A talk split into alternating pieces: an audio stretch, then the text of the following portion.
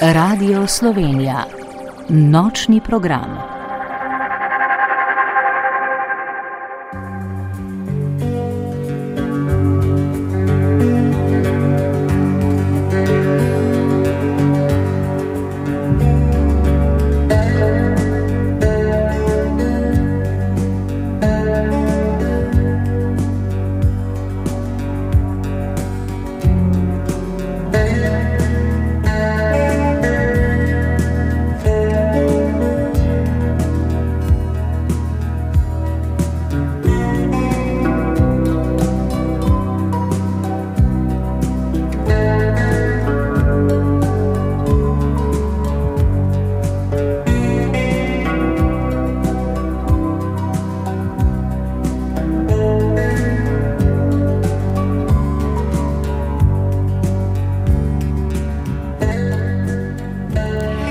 Spoštovane poslušalke, spoštovani poslušalci, lep dober večer.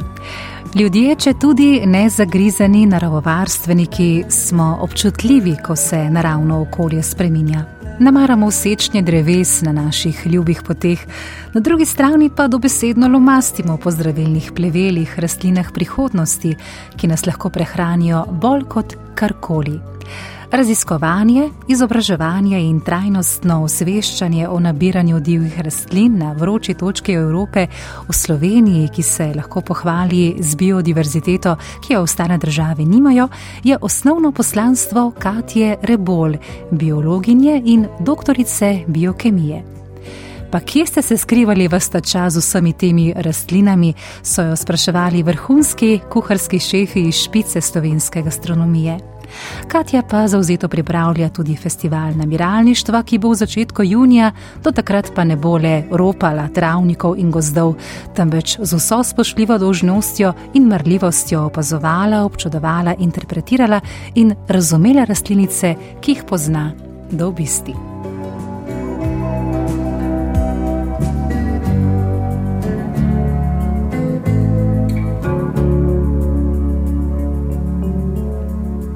In če tudi se pomlad komaj prebuja, so na zeliščarskem krožku v njeni košari pred nekaj dnevi našteli preko 40 užitnih rastlin. V svoji prvi knjigi Narava vedno zmaga, ki je postala uspešnica, je bila nabiralka, zdaj je nabiralka plevelov. In lahko jo boste spoznali v oddaji Nočni obisk, zdaj je skoraj 8 minut čez polnoč. Doktorica Katja Rebol, dobro večer in dobrodošli v našem studiu. Dobro večer.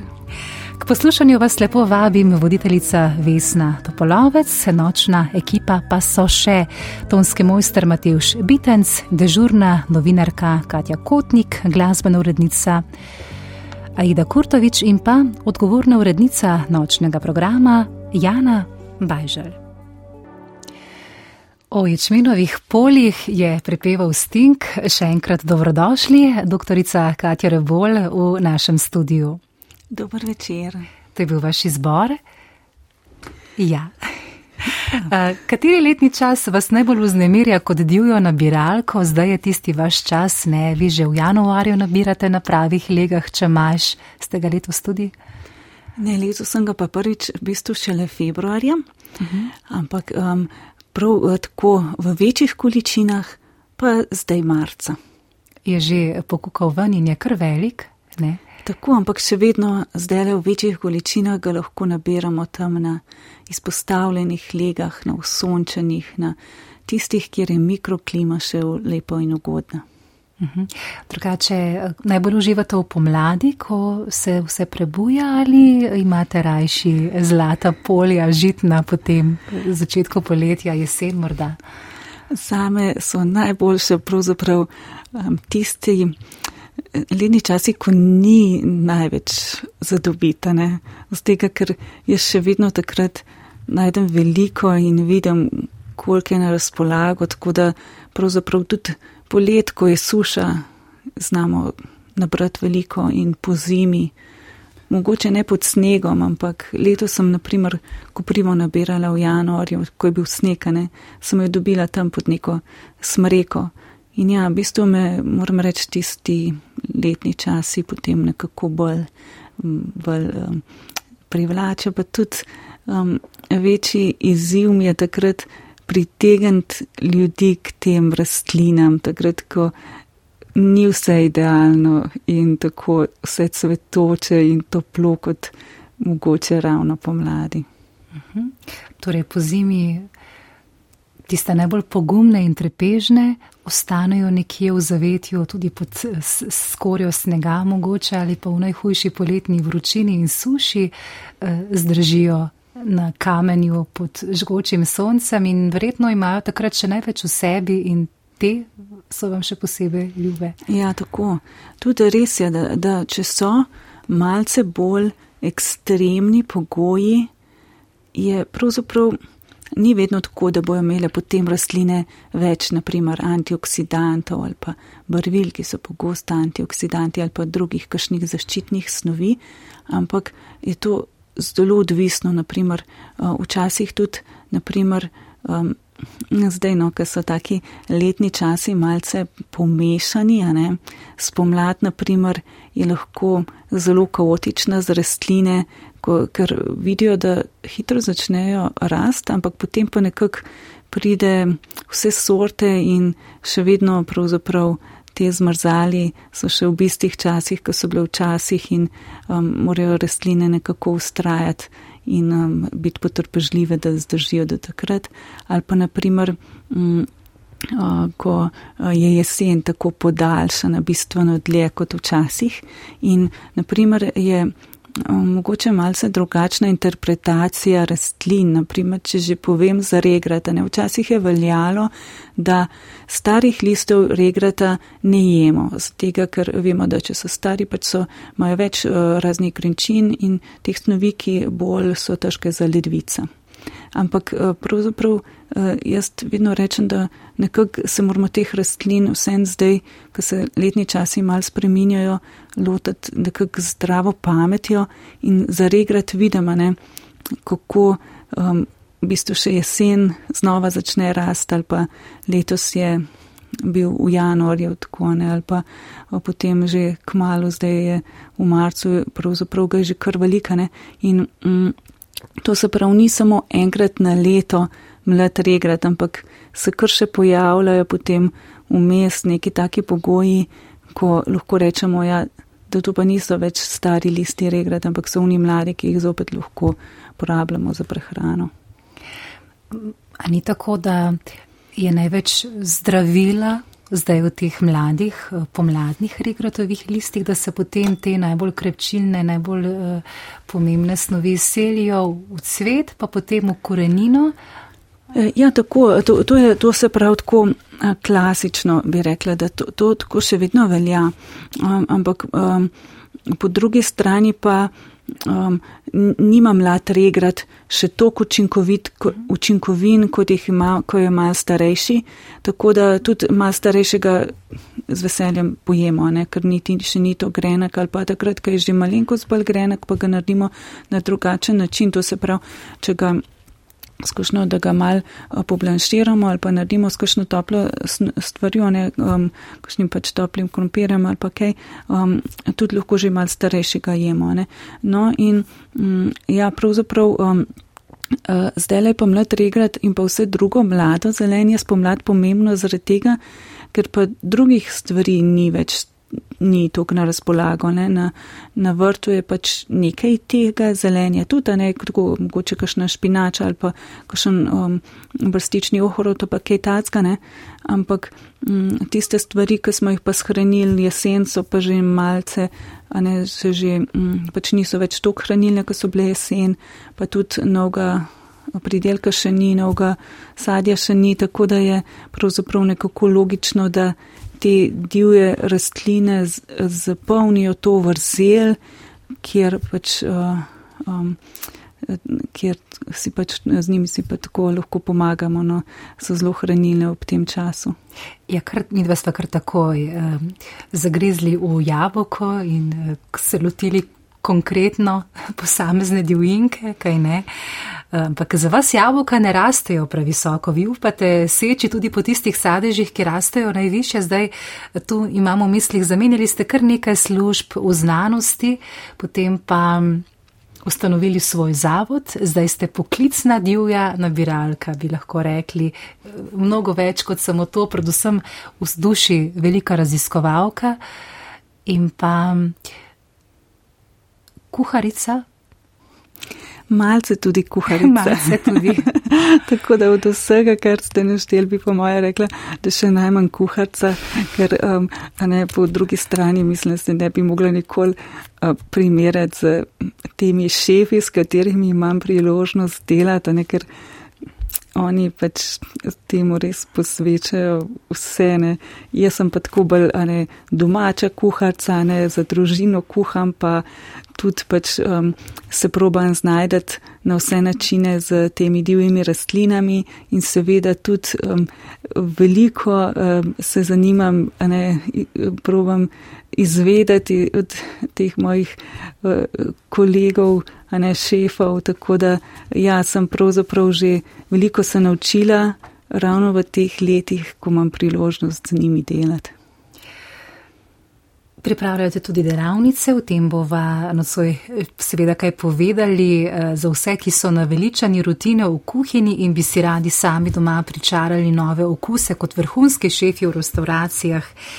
Um, Glede na to, da smo vas lahko ta vikend gledali na, na televiziji v oddaji na vrtu, eh, kjer ste ponudili rolado eh, z leskovimi kačicami oziroma mačicami, se mi zdi, da ste ekstra kuharica, ker takšnih receptov malo katera eh, gospodinja pravzaprav pripravi, ne?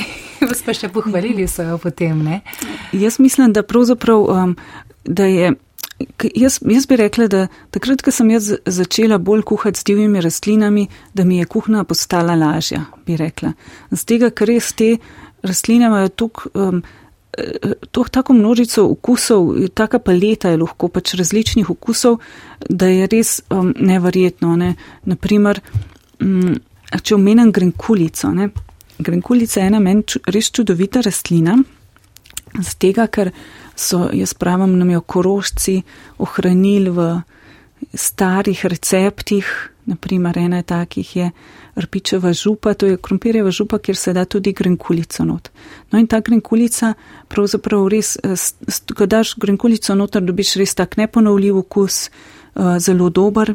No, ampak pri tem ne še povem, seveda, da grenkulica ni grenka, ampak je taka aromatična, ker je seveda sorodnica mete in mm, je tudi eh, ta res uh, juha ali pa pač karkoli se uh, da mm, zelo dobrega okusa. Je pa res, da nekaterim pa ta okus ne paše. A, ampak to je pa potem že druga zgodba, no, potem si pa pomagam, ne, a, naprimer, a, z biokemijo. Ne. Vemo namreč, da a, te okusi ne, so a, odvisni, naprimer, od raznih a, receptorov, ki jih imamo a, v telesu in m, potem pač eni zaznamo okus tako, eni drugače in ko imam delavnice, res vedno se najde nekdo, ki ki mu, mu ta okus, naprimer, ne ustreza. In tako pr, eh, ne sem pri tej rastlini, tudi pri vrsti drugih, tudi pri koprivih, naprimer, ali pa kakšnih takih, navadnih. Imate v krvi to uh, proučevanje? In uh, skozi takšne oči gledate rastline, ne prav zarezonirate z njimi, ne. Ste mi rekli, da tiste, ki vas nagovorijo, potem uh, si izborijo nekako mesto v vašem srcu in vas popolnoma prevzamejo in začarajo in premišljujete v njih lep čas in tudi vas ne spustijo kar tako zlahka, one vas, ne, uh, dokler jih ne spoznate do potankosti, seveda ne samo v kulinaričnem smislu, ne, to smo zdaj uh, že izvedeli, ne, da je to recimo drugotnega pomena pri vas. V prvi vrsti ste uh, raziskovalka, ne, vas zanima, kaj dobrega lahko za človeka ta plevel napravi, ne. In plevel je res rastlina prihodnosti, ne? zdravilni plevel je knjiga, ki je išla v, v uh, novembru minulega leta, ne? čudovita je in uh, v teh zdravilnih plevelih bi bilo prav fino, če bi se vsak malo podučil. Upam, da nekaj znanja dobijo tudi nocoj naši poslušalci. Ja, to se prav, te, te, uh, mene so v tej knjigi res zanimale take rastline, ko so pravzaprav res um, povsod rastejo ni problem, da bi jih kakorkoli lahko ogrožali, če jih nabiramo. Tudi, če bi jih res veliko nabirali, še vedno bojo, vedno se, ne, se pojavljale. Ne. Mm, in mm, jaz sem hotela tem rastlinam dati vrednost, ne, z tega, ker ljudje pravzaprav mm, tega ne poznajo, tako da bi lahko to res lahko uporabljali za svoj prid. To se pravi tako zdravilne namene, kot v kulinarične. Moj podarek je res na tej kulinarični v primerjavi za zdravilno, ampak zelo um, uh, rada pa tudi študiram in to res se, se izredno poglobim v to, kaj um, ena rastlina tudi vsebuje. Iz tega vidika, če je mogoče uh, jo treba kaj umejiti ali pa naprimer, če ima kakšne snovi, ki so termično neobstojne tako da um, znamo torej izkoristiti neko zdravilno vrednost neke rastline. Naprimer, tako je pri navadnem slezenovcu, ki je tudi v knjigi, ne? če ga hočemo v zdravilne namene uporabiti, ga ne smemo kuhati za tega, ker se te polisaharidi pri temperaturah nad 50-60 stopinj začnejo razgrajati in razgrajevati. In tako pravzaprav um, Še vedno ga seveda lahko uporabljamo na kulinarični način, to se pravi tako za špinačo um, ali pa kakšen nadev, ampak um, s tem izrabimo ta mineralni del, malo tudi vitaminskega, ne, ne pa toliko teh polih saharidov. Ne. To se pravi, to, je, to so ene take stvari, ki mene res zanimajo. Um, no, tudi iz tega vidika, kako pravzaprav. Um, neke rastline tudi uporabljati tako um, zmerno, res, da, da ni preveč. No? Ker načelo, ne, osnovno načelo zališčarstva pravi, da ne zališča, to se pravi, to velja tako za koprivo kot kamilico ali pa take res običajna zališča, uporabljamo samo določeno obdobje. To se pravi, nekaj. Naredimo neko kuro, naprimer tri tedne, pa potem prenehamo, pa potem po potrebi ponovimo. Tako da je res pri zališčih, ne, um, vse je dobro vedeti, kdaj, je, kdaj ne smemo pretiravati. Tako, no. Te moji pleveli uh, so mogoče, niso tako izrazita zališča, kot naprimer so te glavne, kot jih poznamo, naprimer rožmarin ali pa žajbel, uh, ampak to je v bistvu dobra novica za tega, ker jih res lahko bolj uporabljamo v kulinarične namene, res si lahko eh, z njimi delamo bolj. Zelo so priročni, no tako dejansko jaz grem velikrat rajš, si rečem, a moram iti v trgovino, pa, pa si rečem, ne bom šla rajš okrog hiše, pa si nekaj nabrala, pa bom iz tega kosilo naredila, z tega, ker mi je enostavno to lažje. No in eh, tako se mi zdi tudi uh, z vso to kuharijo z divjimi rastlinami. No, potem, ko se enkrat eh, človek navadi, pa ko se noči tudi določene rastline, pa ko vidi, kjer rastline mu ustrezajo, potem um, je to pravzaprav uh, lažje, kot uh, dejansko je v trgovino. No.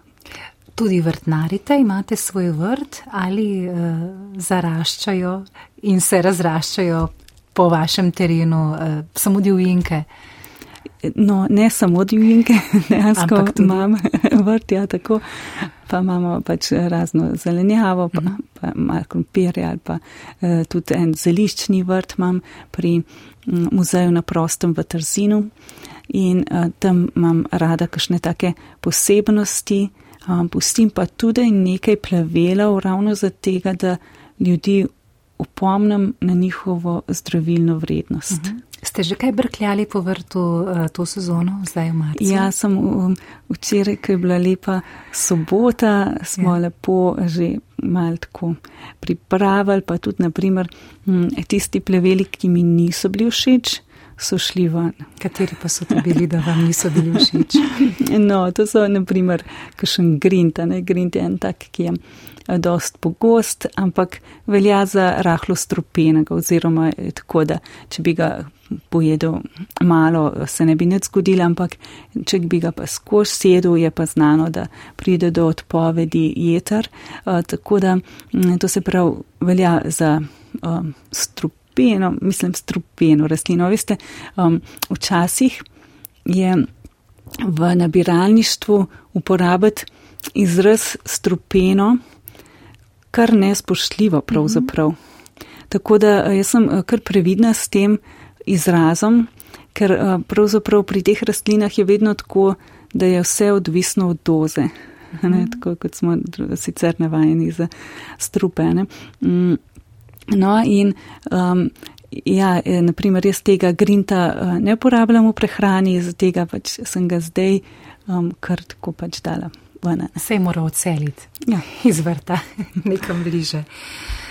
Um, drugače ste odraščali uh, v Črnučah, v vasi Ježa. Nimate se za ljubljančanko, ste pravzaprav živeli na periferiji, ne na obrobju, na vasi.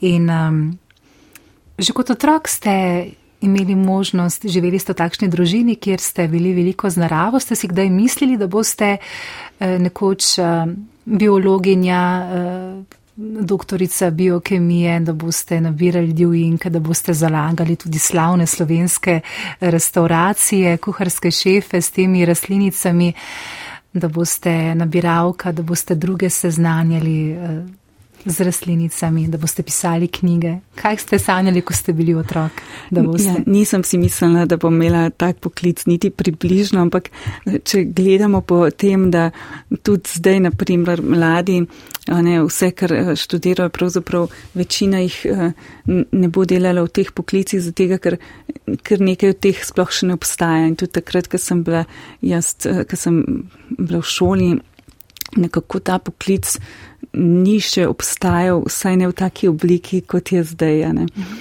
Tako da, um, ja, pa, smo pa z družino res uh, šli pač vsako leto nabirati borovnice, pa um, smo šli regrat nabirati, uh, tako da smo, um, pa mi smo vrtane, ampak nismo to, to v taki meri izrabljali uh, divjih rastlin, kot jih je sedaj.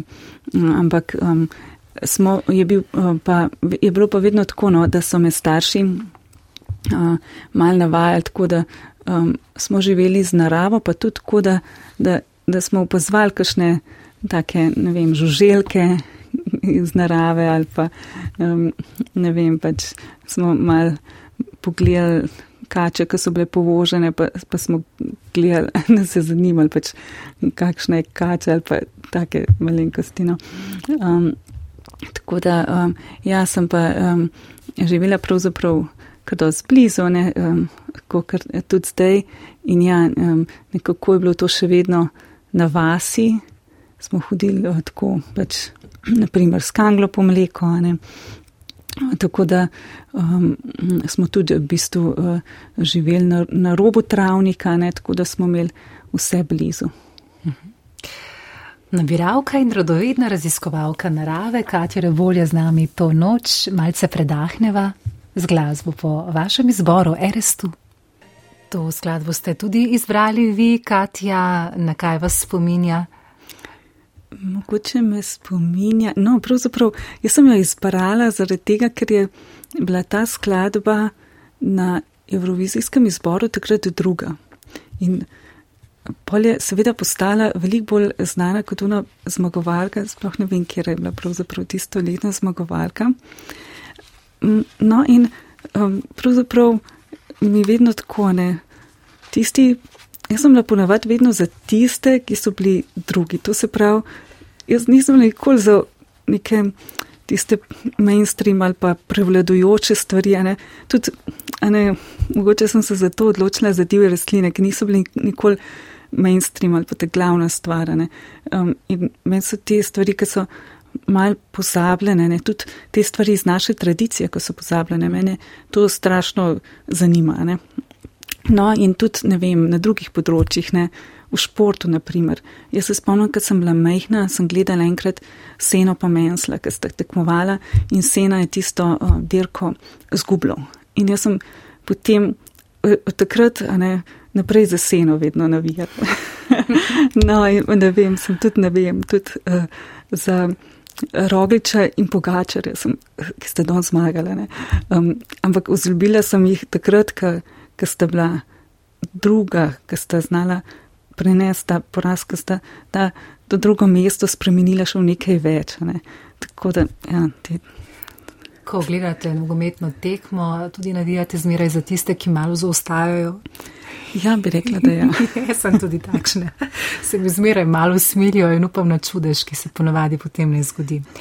Drugače, eh, Katja, od prvega razreda dalje pojete v pevskem zboru in pri 30 ste se naučili igrati, igrati orgle in včeraj v nedeljo ste igrali pri Maši orgle.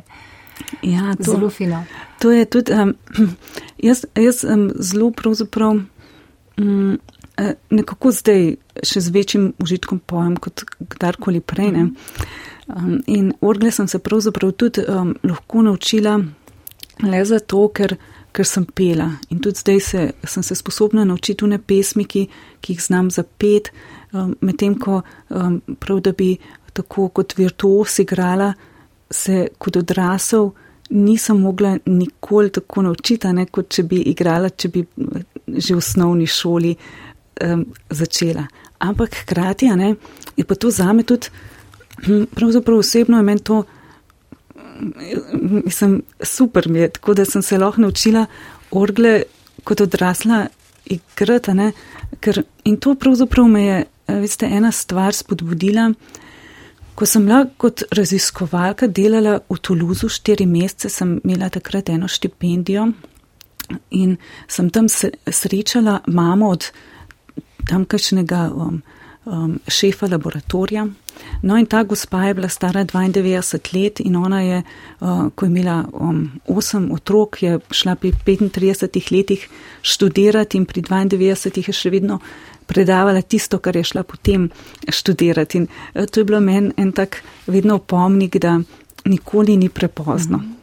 In tudi, če pogledam, ker sem se začela ukvarjati z divjimi rastlinami, je bilo malce pozno, to je bilo, ne vem, 36, sem bila stara. Ne. To je pravzaprav, uh, tako sem pol mal zamenjala um, kariero, ne. ampak še vedno je bil to zame taka, um, sem verjela v to, no, pač, da nikoli ni prepozno in tudi, če zdaj to verjamem. No. Mm. Ja zmeraj lahko začnemo živeti svoje sanje. Ne? Leta niso pomembna. Kdaj je bila pa tista prelomna točka uh, v vašem življenju, ko ste se odločili, da boste zamenjali službo? E, enkrat v življenju ste zamenjali kariero, tukaj ste mislili na ta preskok, preklop iz znanosti. Saj zdaj ste tudi znanstvenica ne? v gozdu, doktorica v gozdu. Ja, tako. Um, eh, jaz sem prav prej delala v laboratoriju uh mhm. -huh. na raziskovalnih projektih, tako zdaj pa delam pravzaprav uh, sama in uh, se zaslužim na prostem trgu, tako da je uh, na nek način popolnoma drugače, ampak ja, vsekakor pa vsa tista znanja, ki sem jih dobila, um, tekom um, tega mojega dela v znanosti, sploh uh, naprimer študiranje člankov, um, mi je izredno prav prišlo tudi uh, pri tej knjigi in tega se mora človek kar mal navaditi, naučiti, da potem lahko to strokovno dejansko tudi poljudno prenese.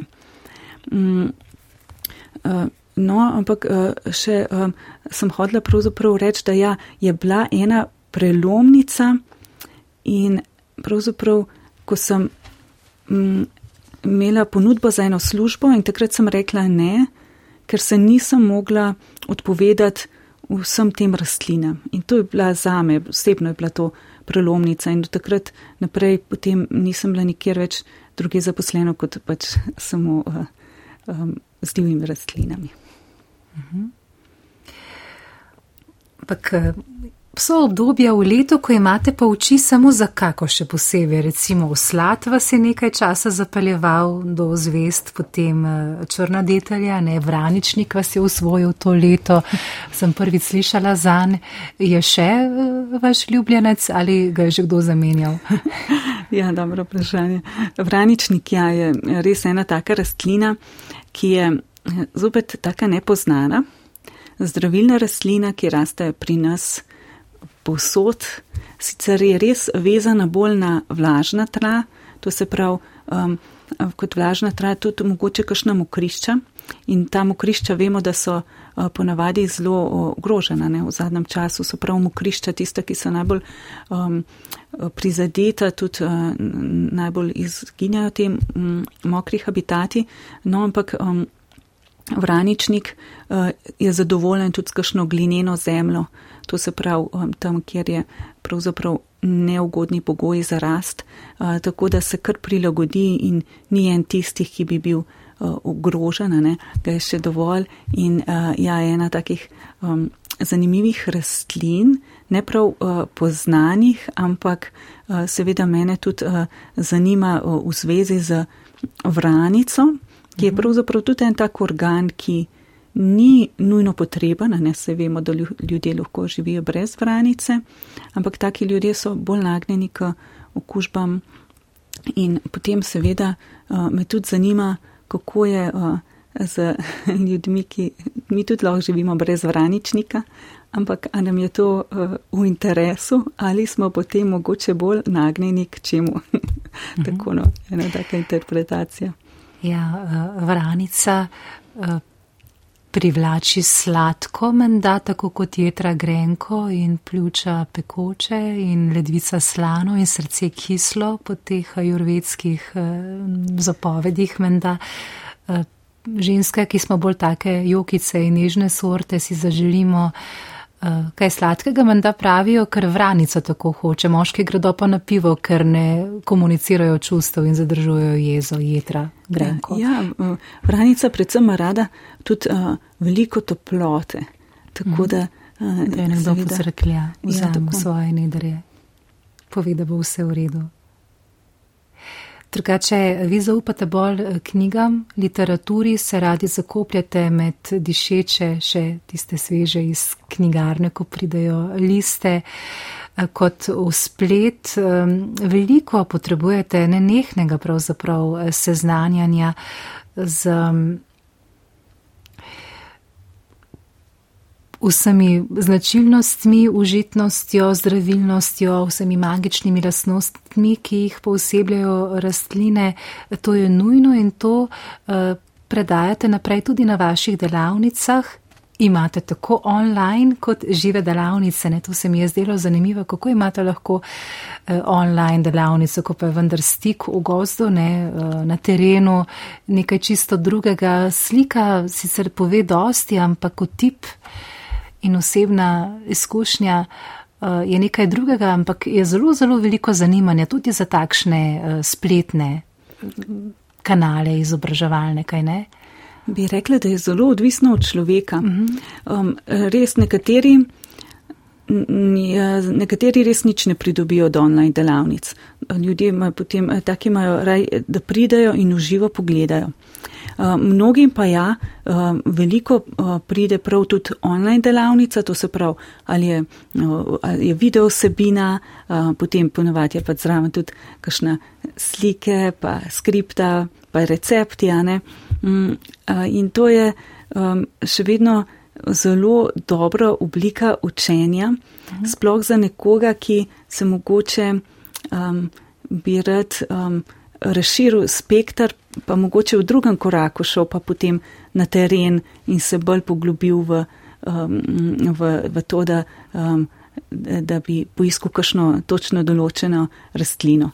Ker um, namreč vidim tudi ljudje tako, um, se tako jasno um, navežejo na kakšno rastlino ne, in bi jo blazno radi tisto sezono spoznala. Ne. Uh -huh. um, in to je res tako tudi jaz, ki sem jaz hodila, ker sem se učila ne, na delavnice, um, je tudi najbolj pravzaprav um, bilo to, da sem dejansko od strokovnjaka se direktno naučila. Ne.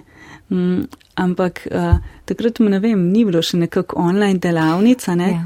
um, ampak danes uh, so pa mogoče kakšni YouTube posnetki, ki se pa mhm. tudi lahko seveda velike iz njih naučimo, čeprav ne, pri internetu je vedno pa ta um, nevarnost, da so informacije lahko pomešane ne, in nepravilne. Sploh, naprimer, jaz to kar za vrsto rastlin opažam, ne, naprimer v angliškem jeziku je daisy lahko ena ali pa druga rastlina in potem pri, naš, pri nas, ki polkašni prevajajo, so to vse zdravilne lastnosti pomešane ali pa lastnosti celo v glavnem, res je tako mm, lahko, um, so kar velike napake. No? Uh mhm. -huh. Tako da je za tega jaz mogoče bolj knjigam, ko sem se jaz učila, no, sem mogoče res bolj knjigam zaupala, najbolj pa seveda osebi, ki se lahko od nje učiš.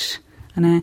Včasih je bil zame to Darijo, naš mm. legendarni nabiralec, danes pa eh, večinoma um, neznane rastline, um, za njih vprašam ali uh, moje kolege v, uh, um, v Društvu botanikov Slovenije ali pa jaz rečem kar mojo botanično mm -hmm. mentorico, mm -hmm. to je pa Simona Strgul Skrajšek iz Univerze v Ljubljani in uh, z njo velikrat tako um, potem še dodatno študirava kakšne razrede rastlin in ja, tudi uh, pri pravzaprav uh, tudi pri kakšnih razredih, no, ali pa pri kakšnih vrstah, ne, uh, pravzaprav tudi jaz ali pa tudi poklicni botanik ni nujno, da pride do konca, zaradi tega, ker se za nekatere rastline res so, ne vem, pomembni, naprimer za kakšne um, kobulnice moraš imeti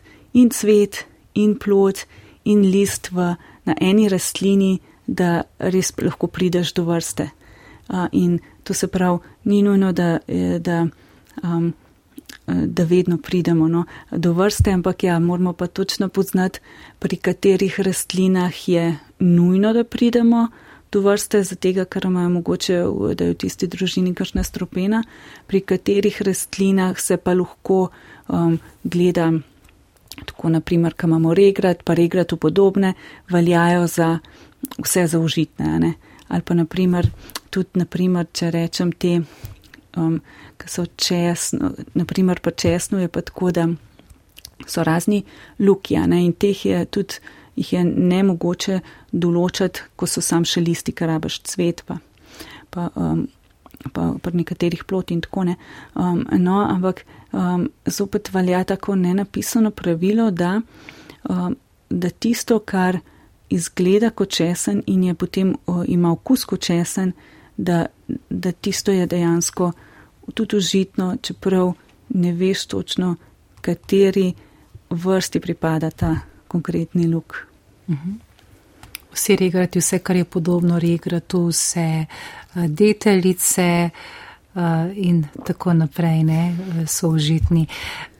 Vi oživljate tisočletno znanje o rastlinah in ustvarjate tudi zelene poklice, sama ste ustvarjala pravzaprav sebi svoj poklic. Kdaj bo naslednja ali prva v tej sezoni online delavnica, katere rastline boste obravnavali? To je že vse uh, zastavljeno najbrž. Mm, tako jaz vedno začnem na prvi spomladni dan, letos je to 20. marc, včasih je pa 21. Ja, včasih še včasih, včasih pa 12. marec, ne, Gregorjevo. Ja, ja, tako je. Um, no, in mm, na tem tečaju sicer res imamo veliko število rastlin, uh mhm. -huh. ampak so te tako organizirane, ne, da niso da ni preveč informacija. Ne. Jaz hočem pač res narediti povdarke za une rastline, ki so pomembne, tudi tiste, ki jih jaz najbolj uporabljam, ki pravzaprav eh, so nekatere tudi kašne, ki jaz menim, da so take, ki so pozabljene pa zelo dragocene. Ne. Eh, skratka, eh, naredim en tak izbor rastlin, da, da je čim bolj uporabno ne, za, za tistega, ki bo potem ta online tečaj spremljal. Jih lahko pet naštejete, recimo? Naprimer, ja, vraničnike, a, potem so a, tako glih te različni luki, uh mhm. -huh. m, pa potem a, zelo se poglobim, naprimer, v tem, kakšne so razlike med čemažem pa vsemi, ki so uh -huh. a, mu podobni, ne uh -huh. zato, da. Res nekdo, ki še ni, se ni upal um, nabrati čemaža, da da bo prvo slišal vse, kar, kar so razlike, ne? potem pa mogoče šel na teren, pa uh, pogledal za te razlike in potem, ko bo um, um, prišel mogoče res enkrat v živo na delavnico, si bo počasi upal tudi nabirati. Ne?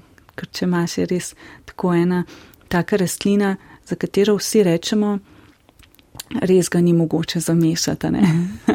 po drugi strani pa vemo, da so bile že smrtne žrtve, mhm. sicer te. Um, V zadnjih desetletjih so bile vse povezane s tem načinom nabiranja, ne s tem, da ne bi poznali čemaža. Ne. Tako da čemaž za nas nabiralce res ni neka taka rastlina, ki bi bila težko prepoznavna, ampak se je treba pa zraven še navaditi vsega te nabiralniške etike, kako ga nabira, mm. tako da, da je človek na varnem.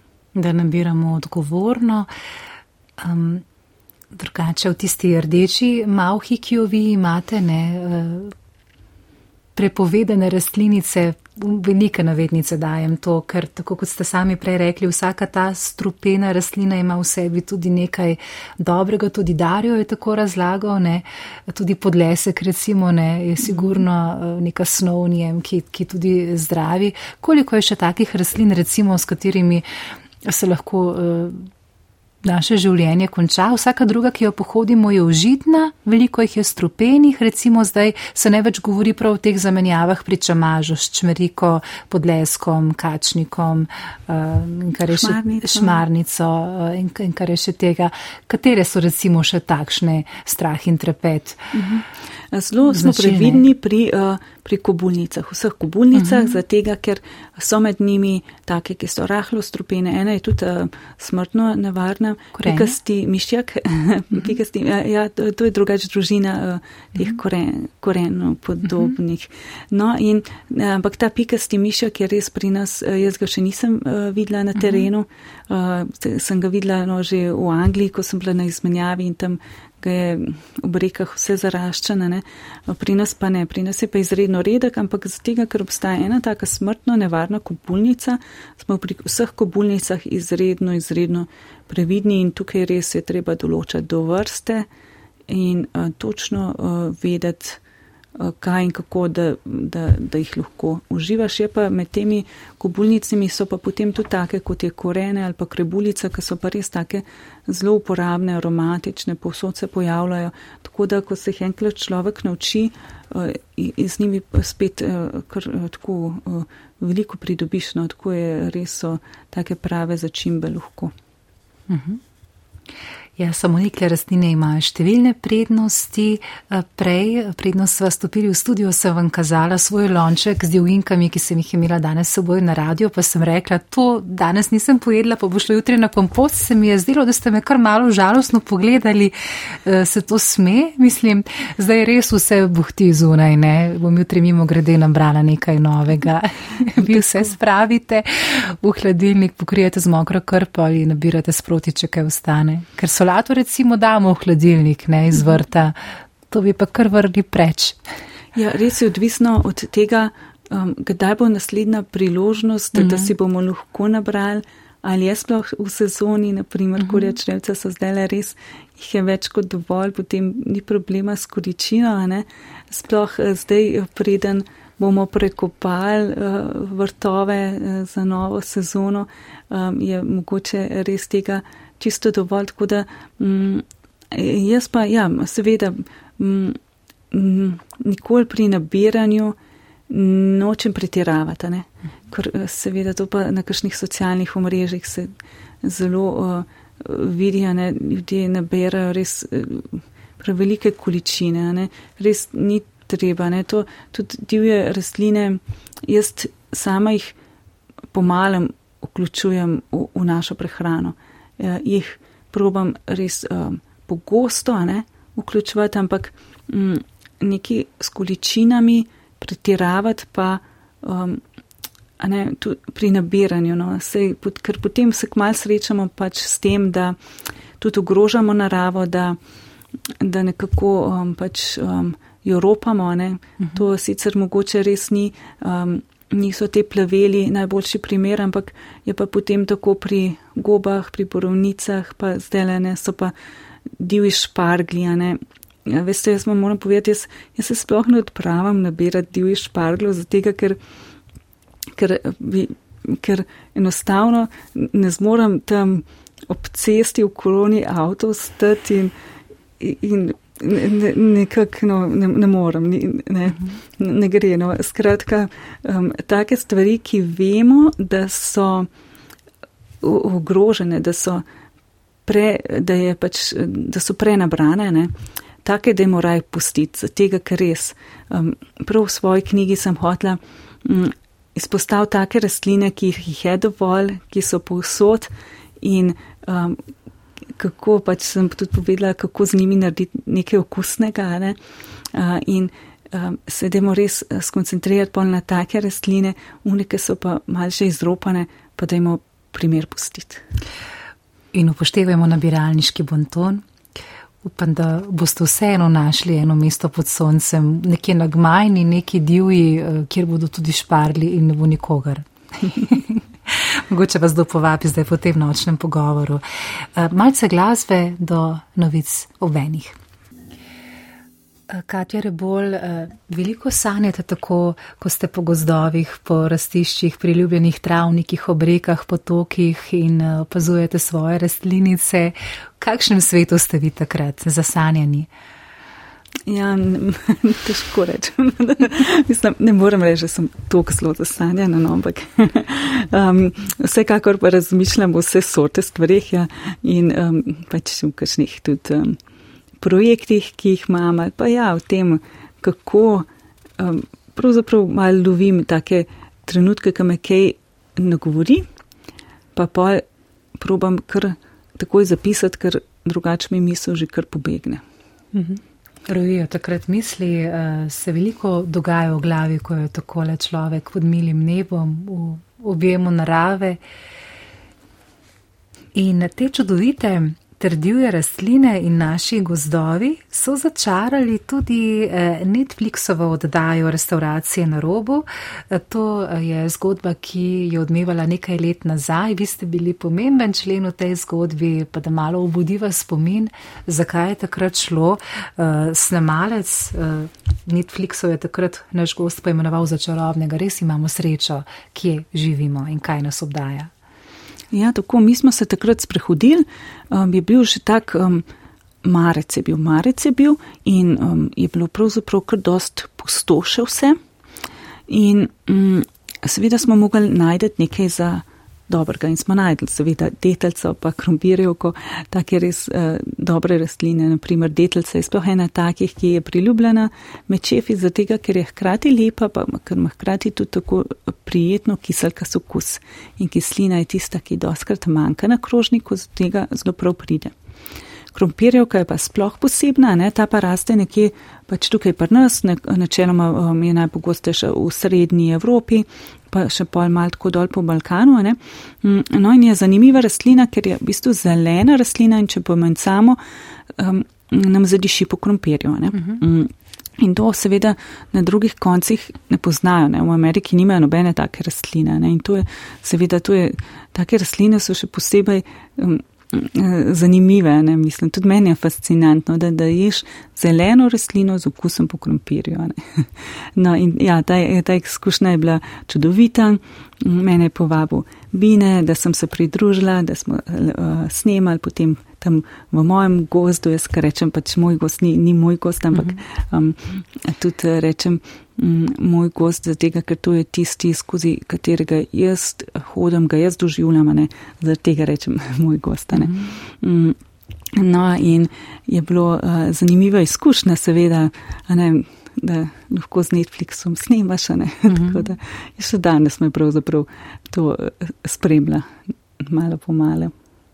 Enkraten nastop v slovenski naravi bo sigurno nastala še kakšna zgodba. Eh, zdaj Bine Volčič ni edini um, uh, prestižni kuharski šef eh, pri nas, s katerim ste eh, sodelovali.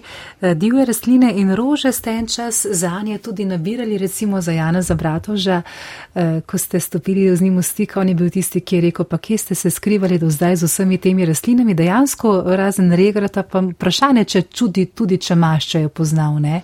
O, Janes je pa dober poznal, ker je Janes se je pa um, uh, zelo zanimal že prej. On je mm -hmm.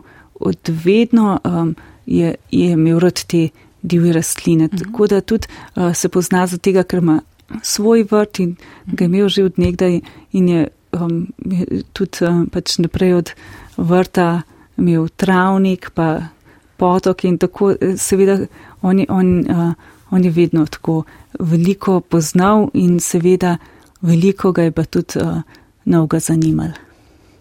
Eh, se zelo zanimajo te najbolj prestižne restauracije pri nas, Ana Rož, recimo tudi ne, eh, rada nas na krožnik postavi tudi eh, ne samo violice, marijetice, trubentice, penuša, recimo kako je lepa zdaj spomladi. To je zdaj nek tak trend zadnja leta, ne, včasih. Ja, pravzaprav ne morem reči zadnja leta, zato ker tako, v literaturi rečemo tako, se je začel ta trend teh divjih rastlin v visoki kulinariki nekako 2004, mhm. velja za unoletnico, mm, ampak seveda to ni samo trend, ne, če že, ker tudi prej so uporabljali, pa, pa še zdaj uporabljajo, ne, to je nekako um, pač enostavno izhaja iz tega, ker te rastline dejansko imajo okuse, ki jih ne moš druge dobiti. Zato so tako dragocene tudi za te vrhunske kuharje in um, seveda tudi lepe so, tako so divje in take posebne, tako da ja, je pravzaprav navada v vseh teh restauracijah, da jih uporabljajo. Mogoče smo tukaj slovenci mal posebni, ne, da uh, veliko krat pravzaprav nabirajo ali sami šefi ali kdo iz ekipe, Uh, skratka, ponavadi ima res ekipa nekoga, ki tudi nabira in to bolj poznane. Uh, seveda ne v taki meri kot mi nabiralci, ampak še vedno ne to, da, uh, da se raziskuje te razne variante, kaj vse se da s tem narediti. Ne. No, nabiranje divjih, divjih rastlin ni tako zapleteno, kot se morda komu zdi na prvi pogled. Slovenci smo radi v naravi, veliko hodimo.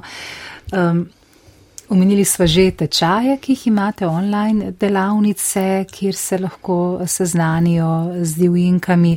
Potem so tukaj tudi terenske delavnice ne, in pa kuharska akademija celo so zelo priljubljene.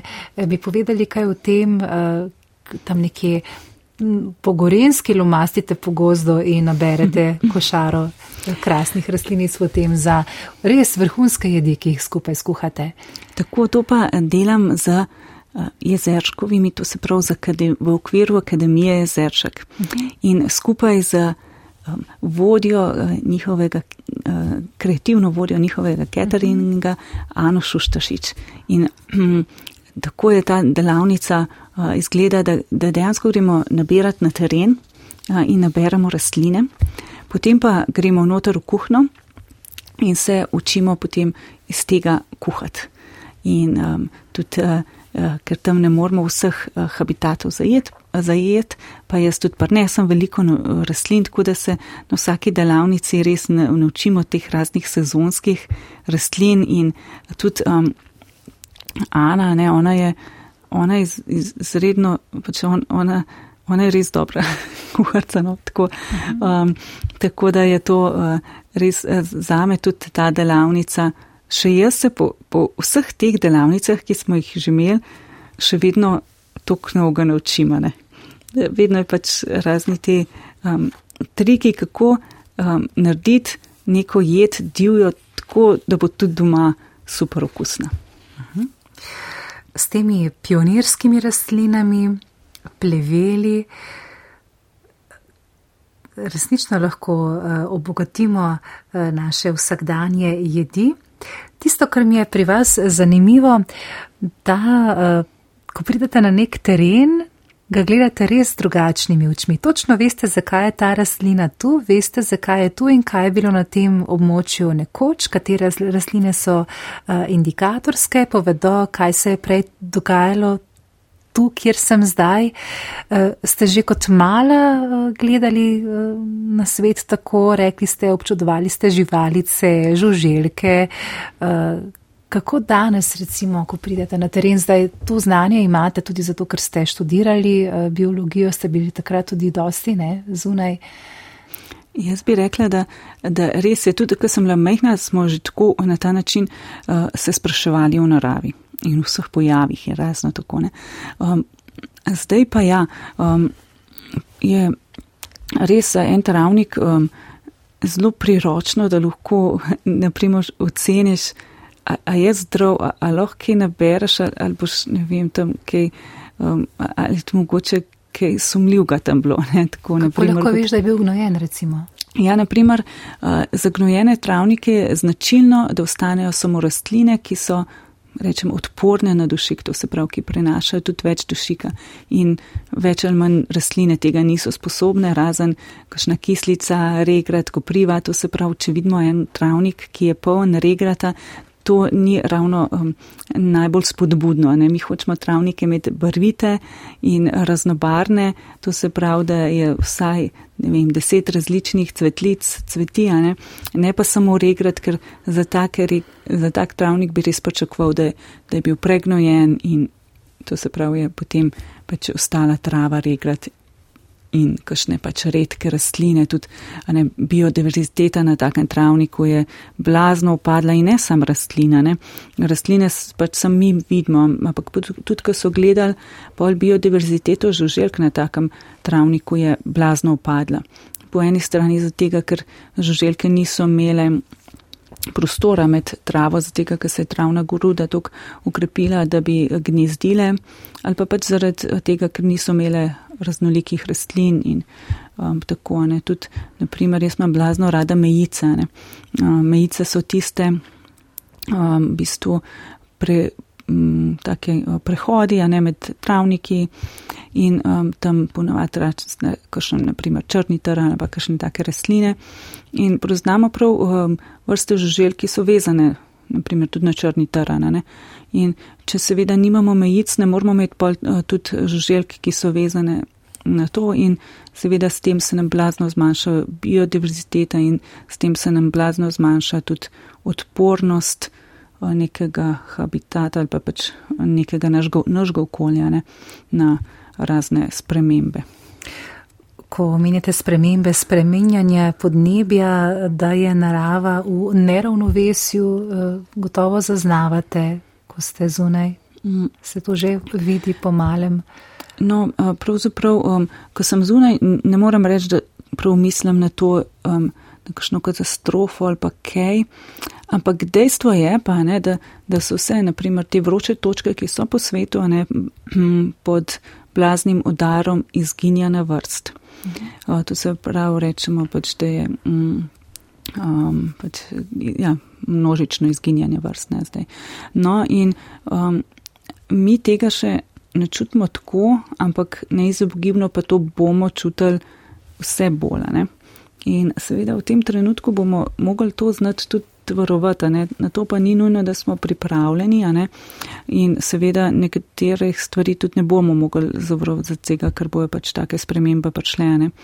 Ampak um, ravno za tega pravzaprav velik svojega časa posvečam um, izobraževanju ljudi, ker pač izhajam vedno iz tega, da varujemo lahko le tisto, kar poznamo. Ne? To se pravi, pri nabiralništvu ne gre nikoli samo zdaj, ja, boš ti sem šel v naravo pa izkoriščal nekaj. Ne? Mm, pri uh, nabiralništvu gre vedno za oboje stranski odnos, ne? Boš ti znal to tudi varovati. Ne? In to je v teh časih, ko živimo, izredno pomembna stvar. Glasbo imate radi, to je neizpodbitno, kot pevka od malih nog, eh, si privoščiva manjco Izmajlovo po vašem izboru. Res čudovito, Katja. Nekam ste eh, odsanjali med poslušanjem, kako to, da se je ta znašla na repertoarju. No, ta je bila pa um, očepena, uh -huh. ena melodija, za katero je ona rekel, da take melodije pa ne bom nikoli več uh, mogel tako lepe melodije napisati. Um, in je res um, meni bila vedno všeč in tu smo pel uh, zborom v zborovski izvedbi. Plamen. Tako je, ja, pri zboru plamen v Črnučah. No, um, in pravzaprav je to ena taka žalostna pesem, ne, zato ker ne bi jo Chopin napisal takrat, ko se je um, poslovil od svoje zbranke in šel um, iz Polske na, v Pariz. No, um, ko smo jo pa mi peli, pravzaprav se pa meni zdela prav nič žalostna. Ne? V slovenščini pravzaprav ta prevod, ki smo ga mi imeli, je pravzaprav uh, tako tak zelo odprt in uh, pušča um, odprte možnosti za tega pravzaprav um, mi je ostalo v spominju ne kot žalostna pesem, ampak kot neka res taka navdihujoča pesem. Zelo lepo jo, jo je bilo slišati, eh, glasba vas tudi navdihuje, pa ga narava, v kateri bivamo, zagotovo prav tako. Eh, že druga knjiga je torej zdaj eh, tu, Zdravilni pleveli rastline prihodnosti po vaši prvi veliki uspešnici, narava vedno zmaga. Kje se rodi želja, da boste napisali še eno knjigo, zdaj, ko je ta tu, uh, že imate kako zasnovo za tretjo, se že kaj obrisi uh, in mogoče že strani polnijo z novimi vsebinami, kaj bo Katja napisala. Ja, ko sem bila jaz, mlada sem si rekla, jaz bom pa, jaz bom pa napisala knjigo, samo če bom imela res kaj pomembnega mm -hmm. zapovedati. Mm -hmm ker namreč me moti, da obstaja to knjig in ne moš nikoli v življenju, če bi imel sto življenj vseh prebrati. no, tako in, um, no, potem pa res nekako sem bolj začudila, da imam kaj pomembnega zapovedati in sem naredila to svojo prvo knjigo Narava vedno zmaga in sem na vesela bila tukaj dobro sprijeta. Uh, in potem ta druga, zdravilni pleveli, sem pa nekako kar um, začutila, da jo moram narediti. Z tega, ker res um, nihče še ni na ta način obdelal jih in jim ni dal vrednosti. Ne? In jaz želim, da ne, ena gospa uh, reče svojemu možu, pogled, če pa to, to v tej knjigi bomo pa tudi mi jedeli. Namreč, ne? ker veliko ljudi uh, si pravzaprav ne upa uh, nekih plevelov jest. Pa ne samo zaradi tega, ker uh, jih uh, ne poznajo, tudi včasih so bili manj vredni, ne? danes pa seveda um, se ravno obratno, to se obrača, ne? so pa um, veliko vredni. Um, no in mnogim tem plevelom je dala ta, uh, knjiga, ta knjiga pravzaprav res tako vrednost, ne? njihovo tako mesto, ka, kamor jih grene. No in res imam pa zdaj. Um, v, um, željo napisati še zadnji del, jaz rečem trilogije, uh -huh. no, tako, zadnji del, ki mi manjka, namreč rada bi obdelala tudi razne ukrasne rastline, ki so užitne, za, na ta način, da bi lahko tudi okrasni vrt uporabljali tako, ne, da bi dodajali hrani. In to gre za različne rastline, ne? pri kakšni gre za gomolje, pri kakšni gre za liste, po večini pa cvetove teh uh, raznih cvetočih rastlin. Ne? In seveda m, to, te knjige jaz um, počasi ustvarjam, no? Eh, tako da um, ne vem, kdaj bo to dejansko, ampak um, ja, nekako je tudi uh, ta knjiga. Uh, Bo, bo moje poslanstvo, to že zdaj čutim. Um, po drugi strani pa ja, to je tema, ki se dotika, uh, ki, ki, jo, ki jo je seveda živela tudi Jelena Debelder Kovačič. In uh, seveda uh, po drugi strani stopiti v njene čevlje je, je pa spet uh, poseben izziv. Vaša ozornica? Sigurno. Najodličnejše jedi, tudi zaradi plevelov čudovitih rastlin, ki negujejo naše zdravje. Na dobrem vrtu vedno najdemo plevele. Ja, Še ga ne zastrupljamo z vsemi možnimi tako. sintetičnimi pripravki. In to je tudi pri okrasnih rastlinah, mm -hmm. gosto pa še večji izziv. Ne? Ampak uh, vemo, da uh, poznamo en kup rastlin, ki je odpornih, ki jih lahko gojimo brez kakšnih uh, takih prav, um, da bi jih kaj mogli špricati ali pa uh, kakšni posebni zemlji imeti. Z tega je res tukaj velik potencial, kaj lahko še uporabljamo. Na vaši Facebook strani uh, Rožma, uh, izobraževalno raziskovalno središče Katja Rebol, sem našla tudi nekaj čudovitih fotografij tort, ki ste jih prav lepo okrasili s cvetovi, uh, vijolic, uh, trobentic, marjetic, potem tudi um, prav iz herbarija, pa potem polikane rastlinice, tako le ob stranicah torte, kako lepo je to videti, kot bi bila pravlična slika. Prej ste mi omenili, da je treba za liter, v liter posodico dati 300 cvetov violi, če hočemo, da bomo tisti liter napolnili. Uh, Mar se kdo, ki se ukvarja z nabiralništvom in potem to prodaja naprej, ne, vsakdo bi rad kupil po čim nižji ceni, ne, ne predstavlja si, koliko cvetke treba utrgati, da dosežeš tisto količino, ne. Ja. Vsekakor preudarno nabiramo, kjerkoli že smo, da ne Tako. iztrebimo rastišča. In m, pri teh tortah, ki ste omenili, jaz sem želela uporabiti res čist najbolj navadno travniško cvetje, kar ga je, uh -huh. ki ga ponavadi res ne vidimo tako kot, ne vem, neke kraljice, vrtnice ali pa kaj, ampak um, potem, ko ko sem jaz to, naprimer, eh, ta herbari torta, ne, ta, ta je tudi um, v, v knjigi, je tudi, um, je ravno to, ne, da lahko tudi iz preprostih rastlin naredimo res presežne stvari, izredno lepe, take, ki nam sam res um, pogrejo dušo. Ne. Mm -hmm. In pocedijo sline. Za še tako petične okuse, drugače pomlad, ko se začne vse prebujati, je za vas tudi um, čas, ko greste radi v vrtnarije in uh, tja seveda greste s svojim spiskom rastlin. Kaj ste si zaželeli letos, da boste kupili od takšnega, recimo, česar še nimate? Uh, lansko leto, če se ne motim, ste zasadili pegasti badal, ki se je prav koražno razrasel potem po vašem vrtu in zdaj imate tega. Ste celo zimo jedli, uh, semena so se raztrosila, še sadike boste imeli za druge. Kaj boste ja, pa letos našli, kaj takšnega? Novega? Letos imam naprimer na spisku perilo. To je pa ena taka um, kitajska rastlina, v kitajski medicini se tudi uporablja. Um, je um, dobra naprimer za histaminsko intoleranco. Histaminska intoleranca je ena taka, ki, um, uh, ki je pač uh, okvara pravzaprav encima oziroma pomankanje encima, dveh encimov in zaradi tega pride do spremenjenega histaminskega odziva, ponavadi po, povečanega in taki pravzaprav po, znaki podobni alergijam. Skratka, taka m, m, v bistvu taka težava, s katerim pravzaprav ne vemo točne številke, koliko um, se nas uh, sooča s tako težavo, ampak gotovo je pri nekaterih um, skupinah ljudi zelo pogosta.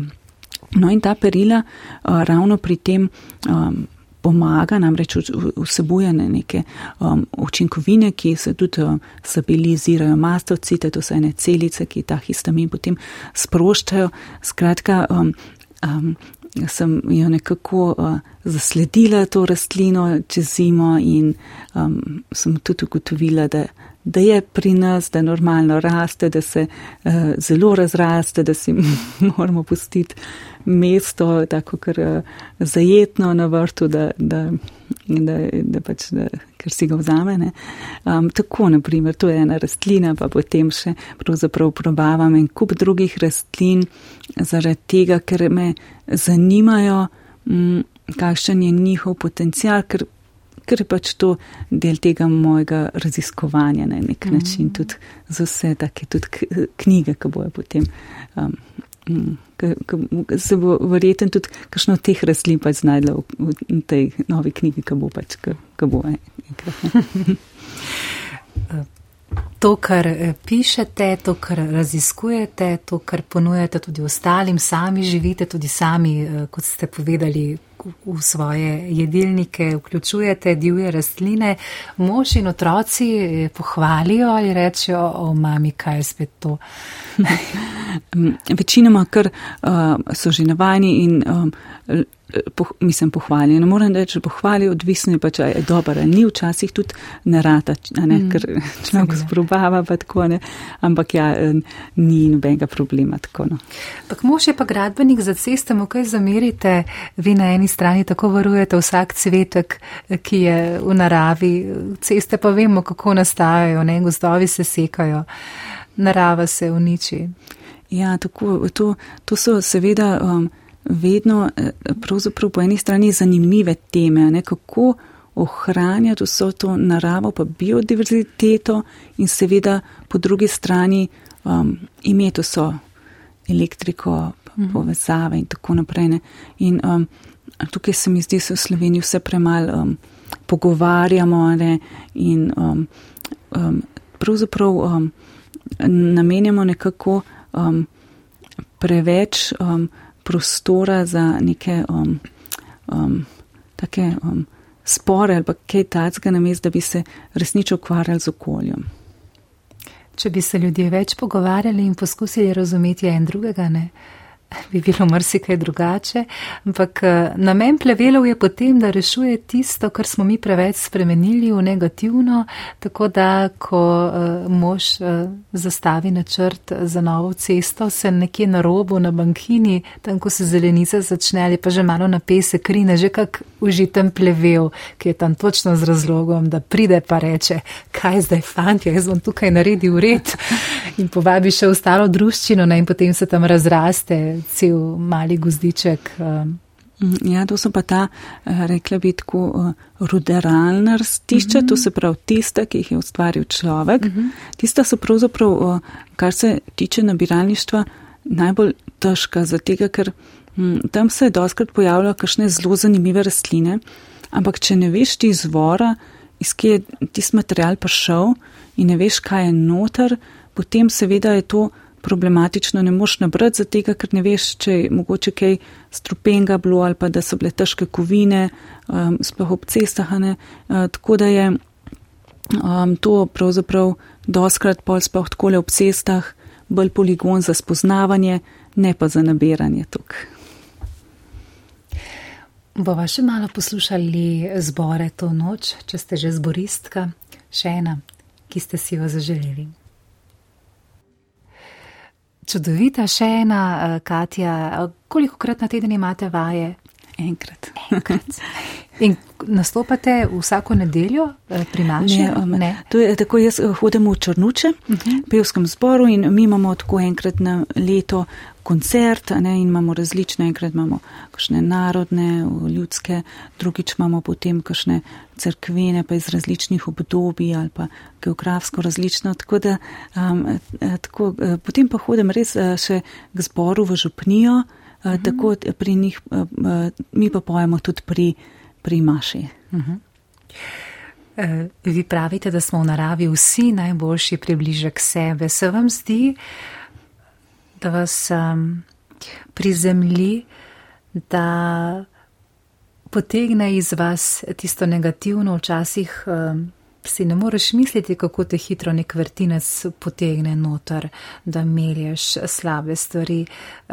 Kot da je narava nek očiščevalec, nek filter.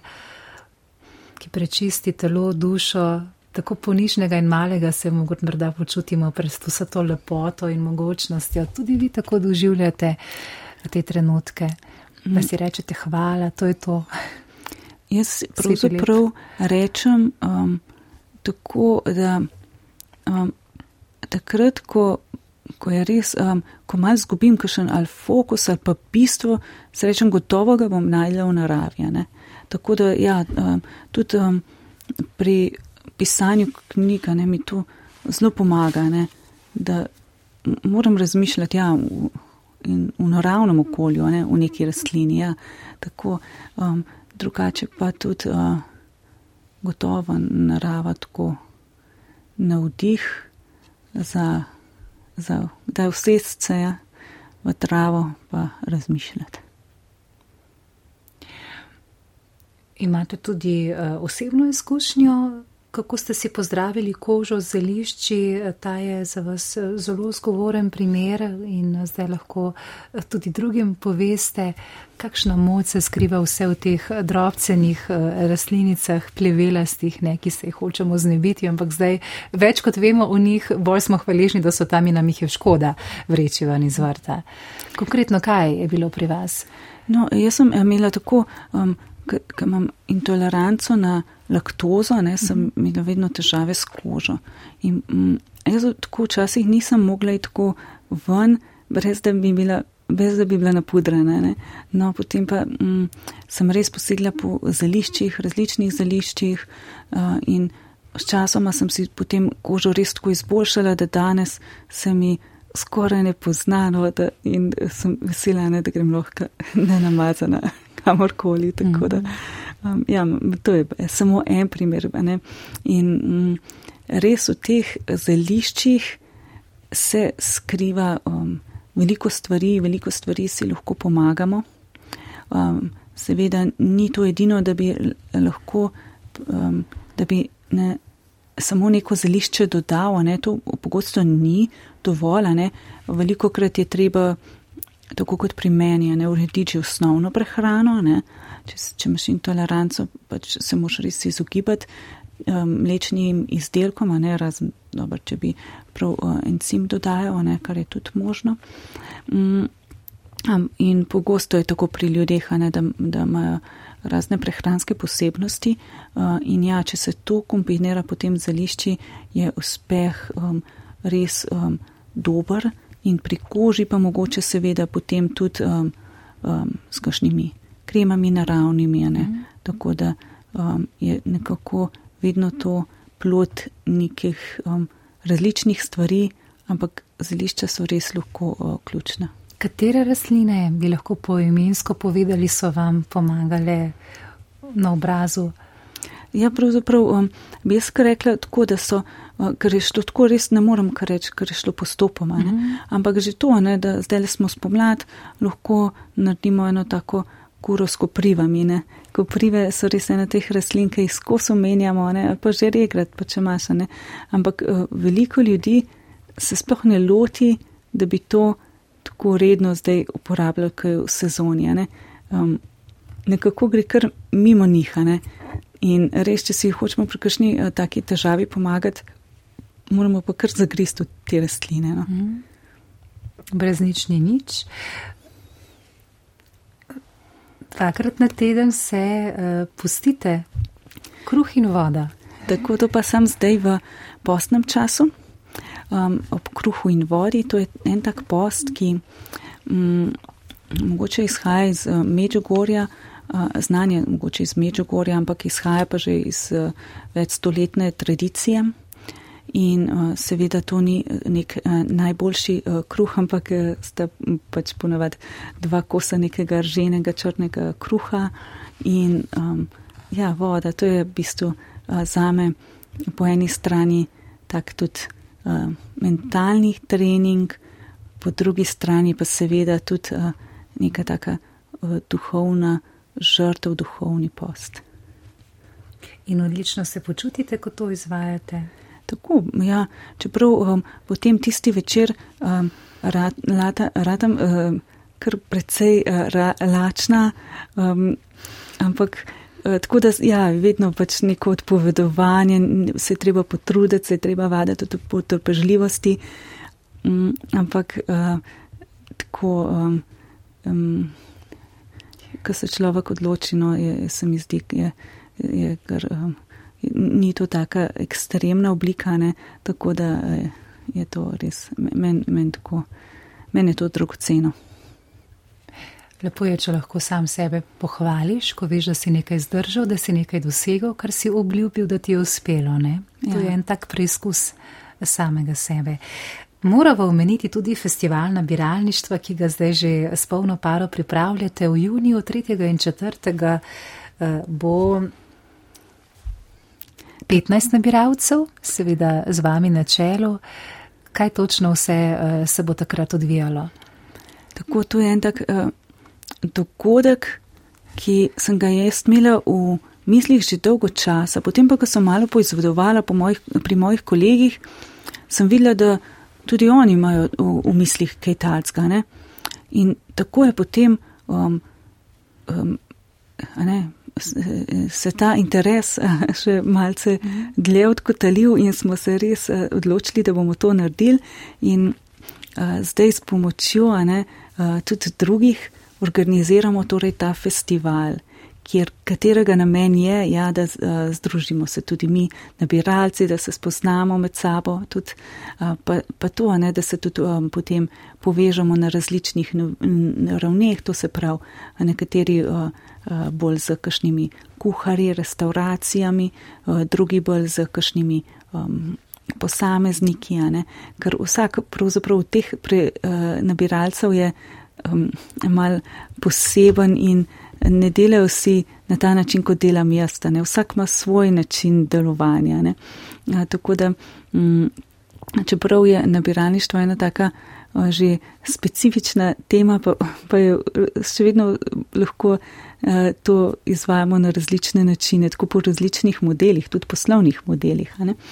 A, no, in potem seveda je pa m, tudi en pomemben del festivala pa tudi okrogla miza, kjer se bomo pa dotaknili teme prekomernega nabiralništva in tudi eh, iskali dobre prakse, s katerimi bi lahko rešili kakšne eh, probleme, ki se pojavljajo, torej predvsem, hm, kot sem prej rekla, na področju algob, špargljev, hm, pa borovnica. Ne.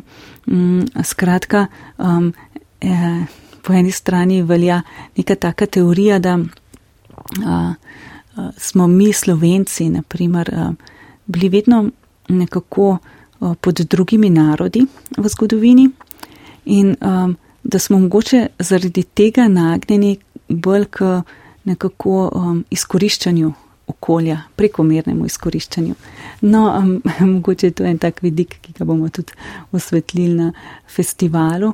Um, sigurno pa seveda to je tudi namen, da povežemo različne um, strokovnjake in tudi um, neke zakonodajalce oziroma iščemo uh, rešitve, ki bi se tukaj uh, na našem področju um, lahko, to se pravi, premaknili en korak naprej, uh, da bi um, seveda, da ne bi s tem nabiralništvom prizadel okolja. Ne? Vsi dogodki torej povezani z namenom ohranjanja narave. Poslušaj vas zdaj le še ljubljanske madrigaliste. Doktorica Katja Rebol, poznavalka in raziskovalka lokalnih jedilnih ter zdravilnih rastlin je naša gostja. Letos uh, pripravljate, kot smo povedali, festival nabiralništva ob tej periliki. Uh, boste mogoče še koga uh, povabili zraven. Koga vse si želite imeti tista dva dneva, 3. in 4. juni, torej ja. v sebi? 3. juni bomo tako naredili, da bomo imeli delavnice po vsej Sloveniji, tako da bojo res um, ljudje lahko prišli tam, ki jim bo najbližje. In tukaj se bo nabiralo, oziroma bo tudi kakšna taka mini degustacija, ne? ker mi smo kar navajeni, da to je bilo že tako uh, na nek način podarijo, da je vedno tudi se kaj pojedno na kakšni delavnici. Kaj dobrega ponavadi je bilo. Ja. Ja, potem pa se bomo naslednji dan, 4. junija, pa zbrali na Pogačevrjevem trgu, kjer pa bojo, bo poleg okrogle mize tudi um, razstavljalci in to se pravi bojo razni uh, um, kmetije tudi, pa gostinci, to se pravi vsi, ki so povezani z divjo hrano, ki ustvarjajo delno tudi z divjo hrano. In seveda se bomo predstavili tudi nabiralci, bomo imeli program, tako da bo prav tak, um, no, cilj je, da veste, da bi pravzaprav kar um, mal narave prinesli tja v središče uh -huh. Slovenije, ne, v Ljubljano, zato da bi lahko na nek način vsi začutili tisto, kar mi doživljamo pač, ko ko imamo tako poklicane, da lahko nabiramo. Mm. Tudi živimo na takem mestu tu uh, v Sloveniji.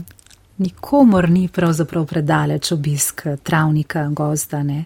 Imamo srečo, da živimo v takšnem neokrnjenem lokalnem okolju in če smo tam lačni, smo si sami krivine. Kaj pa otroci uh, se zelo zanimajo, recimo, uh, ko imate kakšne delavnice, pridajo tudi najmlajši ali pa recimo po šolah. Vem, da ste tudi bili s kakšnimi temi vašimi jedmi, mogoče kak namaz, uh, to pozdravljajo, pojedo ali se zmrdujejo.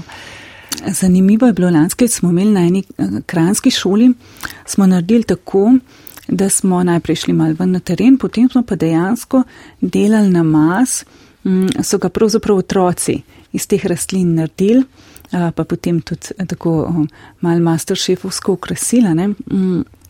in potem dal tudi testirati um, ali učiteljem, ali um, sošolcem, ali uh, drugim razredom. Uh, in ja, uh, na ta način se tudi otroci um, povežajo uh, s tem lokalnim, kar, kar imamo. Ne?